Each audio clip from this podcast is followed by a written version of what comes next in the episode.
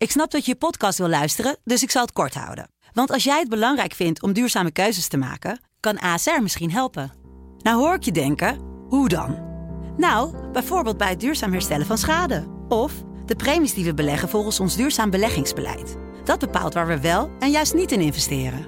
Wil je meer weten over welke duurzame keuzes ASR maakt? Ga dan naar asr.nl slash duurzame keuzes. ASR doet het. Zo, dan kan je nu lekker naar je podcast luisteren. Dit is het Haagse kwartiertje. De dagelijkse politieke podcast van de Telegraaf in aanloop naar de verkiezingen. Met Peter Winterman. Ja, door de klap van een paraplu gaat het deze verkiezingscampagne opeens weer over de veiligheid van politici. Wat betekent de aanval op Thierry Baudet voor de komende weken? Ik vraag het zo aan onze verslaggever Valentijn Bartels, die er vanmiddag over sprak met minister van Justitie Dylan Jezilkus. Welkom bij het Haagse kwartiertje. De politieke redactie van de Telegraaf praat je elke werkdag in 15 minuten bij over de verkiezingsstrijd. Vandaag zit ik hier met Valentijn en onze collega Mike Muller. Goedemiddag allebei. Goedemiddag. Goedemiddag. Ja, het verkiezingsreces is vandaag begonnen. De afgelopen nacht debatteerde de oude Tweede Kamer voor het laatst tot kwart voor vier. Hebben jullie tot het einde gekeken? Nou, eerlijk gezegd niet helemaal tot het einde. Nee, niet Mike? helemaal. Niet helemaal volgehouden, maar eh, de laatste stemverklaringen wel gezien. Precies, precies. En onze collega Inge, die heeft alles eh, gevolgd. Hè. De Telegraaf is er altijd bij. Ja, iedereen leek ook behoorlijk aangedaan door het nieuws uit België. Thierry Baudet, die kreeg in Gent een flinke klap van een Oekraïense man. Ook premier Rutte reageerde daar gisteravond op. Ik heb eh, vanavond eh, wel even ook een, een berichtje gestuurd aan eh, Thierry Baudet en gezegd dat ik dit echt verschrikkelijk vind. Het is onacceptabel. Dit is een hele slechte ontwikkeling. En natuurlijk ook daarnaast is dat dit ook een oproep moet zijn aan iedere redelijke kracht in de wereld. En zeker ook in Nederland met de verkiezingen in aantocht. Vier de democratie, vier het vrije woord, maar doe het ook met woorden. Ja, Valentijn, hoe keek jij naar die beelden, dat filmpje van die aanval? Ja, ik dacht vooral weer, oh nee, daar gaan we weer. Want het is eigenlijk wel de zoveelste keer in korte tijd dat er iets gebeurt qua dreiging richting politici. Hebben natuurlijk op een gegeven moment een fakkeldrager gehad bij Sigrid Kaag voor haar huis. Hugo de Jonge heeft natuurlijk in zijn tijd als coronaminister heel erg veel met bedreigingen te maken gehad. Dus ik dacht vooral van ja, daar gaan we weer. Maar dat was wel vaak met woorden hè, en, en dreigende situaties. Maar hier kreeg iemand ook, hij, Baudet kreeg gewoon echt een klap op zijn gezicht. Dat ja, wel- nee, dat maakt het inderdaad eigenlijk nog wel een stuk heftiger. Zeker Ja. als je die beelden kijkt. Je denkt echt van, wat gebeurt hier? Waar zijn we beland? Hij loopt daar en krijgt gewoon echt een keiharde klap daarmee. Ja, dat is echt wel... eh, dat dat gebeurt met de Nederlandse politicus is wel, is wel echt ontzettend ernstig. Hij had een, een beveiliger bij zich hè, en ook waren er agenten in de buurt. Toch lukte het niet om dit te voorkomen. Vind je dat eh, zorgwekkend? Nou ja, ik volg die justitieportefeuille eigenlijk al jarenlang. En er wordt van alles gedaan. Dus daar zijn ze altijd een beetje schimmig over hè, qua maatregelen. Maar eigenlijk iedereen die ik erover heb gesproken zegt ook wel 100% veiligheid bestaat niet in zulke situaties. We proberen altijd op te letten. Dus het is ontzettend zorgwekkend dat dit, dit risico er weer is. En het is ook ontzettend zorgwekkend dat het hier ontzettend eh, misging. En dat hij een keiharde klap eh, op zijn kop krijgt. Dus Ja. ja, je merkt ook wel aan de reacties dat iedereen wel weer even op scherp staat. eh. Ja, ja deze Ja. vrijdag is de ministerraad en die is net afgelopen. Jij hebt daar even gesproken met Dylan Jezilkus, behalve VVD-lijsttrekker ook nog steeds minister van Justitie en Veiligheid. Laten we even luisteren. De huidige situatie waarin we ons bevinden laat wel zien dat het heel schrijnend is. Dat dat wel elementen zijn waar je rekening mee moet houden. En dat 100% veiligheid niet bestaat. En dat is een hele cruwe gewaarwording dat je dat daar erbij moet zeggen. En wat gaat dit nu betekenen voor de campagne? Heeft ze daar ook iets over gezegd, Valentijn? Ja, ze zeiden eigenlijk al over van, nou, we staan er ontzettend op scherp. Want we weten gewoon helaas dat dit de realiteit is waarin we leven. Dat veel politici met dit soort dreigingen te maken hebben. En wat we eigenlijk doen, en dat kan ze niet te veel tot in detail zeggen iedere keer natuurlijk. Dat ja, altijd als er dit soort evenementen zijn, flyeracties, debatten, dan bekijken we per situatie en per politicus wat er nodig is. Nou, dat is maatwerk, want de ene politicus heeft meer met dreiging te maken dan de ander. Dat wordt natuurlijk zorgvuldig in kaart gebracht door de verantwoordelijke diensten. En wat ze dan doen is met zichtbare en onzichtbare maatregelen. Dus dat kan zijn beveiliging of cameratoezicht. Noem maar op. Om te kijken hoe kunnen we zo'n evenement het best het veiligst laten verlopen. Dat gaan ze dus per keer bekijken. Maar ze zegt ja helaas we waren scherp en we zijn scherp. Gaat er dan wel een schepje bovenop, denk je, naar wat er gisteravond is gebeurd? Nou, dat vroeg ik haar. En dat, dat zei ze niet zo specifiek. Ze zei gewoon, we- we blijven heel erg scherp opletten. We leren van ieder incident. Dus het kan ook zo zijn, en dat vul ik dan zelf in, dat is niet wat ze zei. Maar dat bijvoorbeeld nu bij Thierry Baudet de komende tijd wat beter wordt opgelet. Want ze zei, we bekijken per incident wat er nodig is en per politicus. Nou, dan kun je misschien zelf uit afleiden dat ze bij Thierry Baudet wel scherp gaan opletten. Dat eh, is wel mijn verwachting in ieder geval. Ja, en we kunnen het natuurlijk ook niet helemaal vergelijken. Maar zelf moest ik meteen ook denken gisteravond aan twintig jaar geleden. Pim Fortuyn die toen een paar weken voor zijn moord een, een taart in zijn gezicht kreeg. Waar geloof ik ook nog uh, nou ja, uitwerpselen doorheen zaten. Toen werd er nog een beetje lacherig op gereageerd op dat incident. Niet wetende natuurlijk wat er een paar weken later zou gebeuren. Nu is de sfeer wel anders hè, in Den Haag als dit soort dingen ja, gebeuren. Het is natuurlijk een enorm doemscenario wat je aanhaalt van vroeger. Maar je merkte wel in de reacties ook, nu ook een klap van de paraplu. Niemand doet hier lacherig over in Den Haag. Van links tot rechts, zelfs zijn grootste politieke opponenten. Niemand doet daar lacherig over en iedereen ziet wel de ernst in van de situatie. En is natuurlijk ook bang dat het hier misschien niet bij blijft. Dus er wordt ook gezegd, let goed op, zorg goed voor jezelf en uh, hou die veiligheid goed in de gaten. Ja, daar zei je Silkes ook nog iets over hè? Ja, zeker. Als iemand die in de politiek zit, dus die het van binnenuit meemaakt, zie ik dat het inderdaad uh, op geen enkel moment weg is geweest. Alleen maar heftiger lijkt te worden. En dat is ook waarom ik altijd ervoor kies om ook in mijn antwoorden ook te wijzen op de samenleving. Zolang wij met elkaar uitspreken dat het onacceptabel is, laten wij ook duidelijk merken dat wij niet op deze manier onze samenleving willen inrichten. Ja, laten we hopen dat het qua aanvallen hierbij blijft. Uh, ja, nu iets heel anders. Mike, jij volgt al een paar weken de beestenboel bij de Partij voor de Dieren. En die storm rond Esther Ouwehand die lijkt geluwd. Laten we even luisteren wat ze daar zelf een tijdje terug over zei. Nou ja, het is heel pijnlijk als er allemaal dingen over je worden gezegd. En daar kan je eigenlijk ook niet uh, goed uh, tegen verdedigen.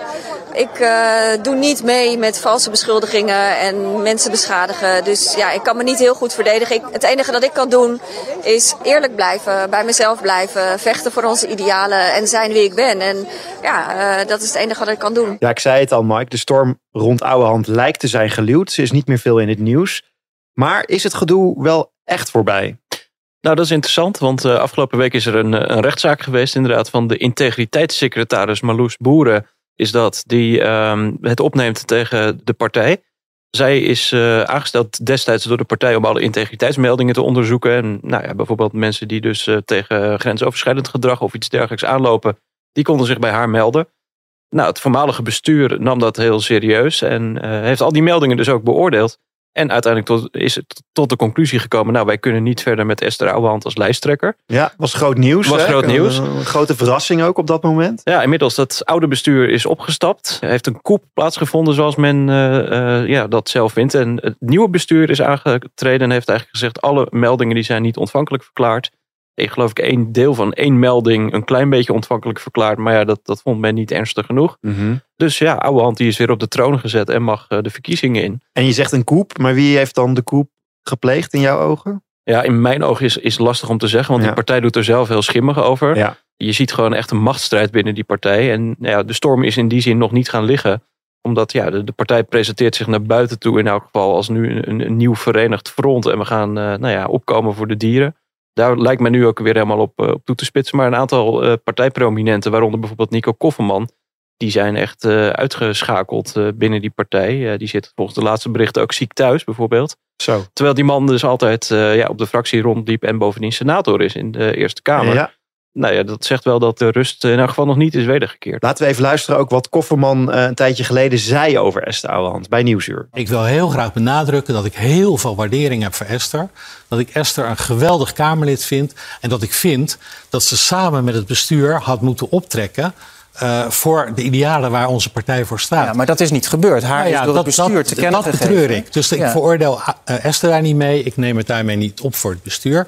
Maar ik zeg dat dit soort framing heel schadelijk is voor de beweging. En niet had mogen gebeuren. Ja, dat had dus niet mogen gebeuren. En dan is het toch eigenlijk... Hij doet heel poeslief tegen Ouwehand. Maar eigenlijk uh, is dat niet de boodschap hè, die hij hiermee overbrengt. Nee, en dat zijn ook wel de geluiden die je achter de schermen... dus bij de Partij voor de Dieren hoort. Dus dat echt mensen... Ja, er zijn niet voor niks natuurlijk meldingen binnengekomen dat Ouwehand dus twee gezichten heeft. De, aan de ene kant dus ja, zich naar buiten toe altijd presenteert als uh, nou ja, het redelijke uh, alternatief. Hè? Echt een, een keiharde vechter voor de dierenrechten. Maar intern dus kennelijk ook mensen echt het mes op de keel kan zetten en heel veel eisend is. En dat bedoel ik natuurlijk niet letterlijk, maar heel veel eisend is. En ja, Kamerleden daar dus ook uh, niet mee kunnen omgaan. Sterker nog, Leonie Vestering was een van hun meest prominente Kamerleden. Die is ook opgestapt. Ja, mede dus door het gedrag van Ouwehand dat gaat zich nu de komende weken wel, uh, denk ik, verder uitkristalliseren. Ja, en je noemde die rechtszaak, die hangt dus als een donkere wolk boven de verkiezingscampagne van de Partij voor de Dieren. Wanneer uh, wordt er uitspraak gedaan? Er wordt, als het goed is, binnen twee weken uitspraak gedaan. Dus vlak voor de verkiezingen. Behalve als de partijen er onderling uitkomen. Dus dat proces dat zal nu lopen met advocaten. Intussen zien we natuurlijk wel in de peilingen dat de Partij voor de Dieren wel een tikje heeft gekregen. Want ze stonden ongeveer op tien zetels in de laatste Ja, peilingen. Begin- verdubbeling eh, zou dat zijn ten opzichte van de vijf die ze nu hebben. Ja, best een gestage groei de afgelopen jaren. Ja. Nu ongeveer op 6, 7. Dus ja, een, een groot deel van de kiezers gaat vooralsnog mee in het verhaal van Esther Ouwehand. Zij is dus op dit moment door het nieuwe bestuur ook van alle blaam eh, gezuiverd. Ja, en dat wordt de komende tijd dus interessant. Eh, we, we wachten Ja. met spanning in die zin eh, het vonnis van de rechtbank af. De rechtbank en Nico Kofferman en hoe de andere partijgenoten zich eh, laten zien de komende weken. Bedankt Mike. Valentijn, jij ook bedankt. Maandag praten we verder. En nu gaan we bellen met ons politieke orakel van vrijdag. Het orakel.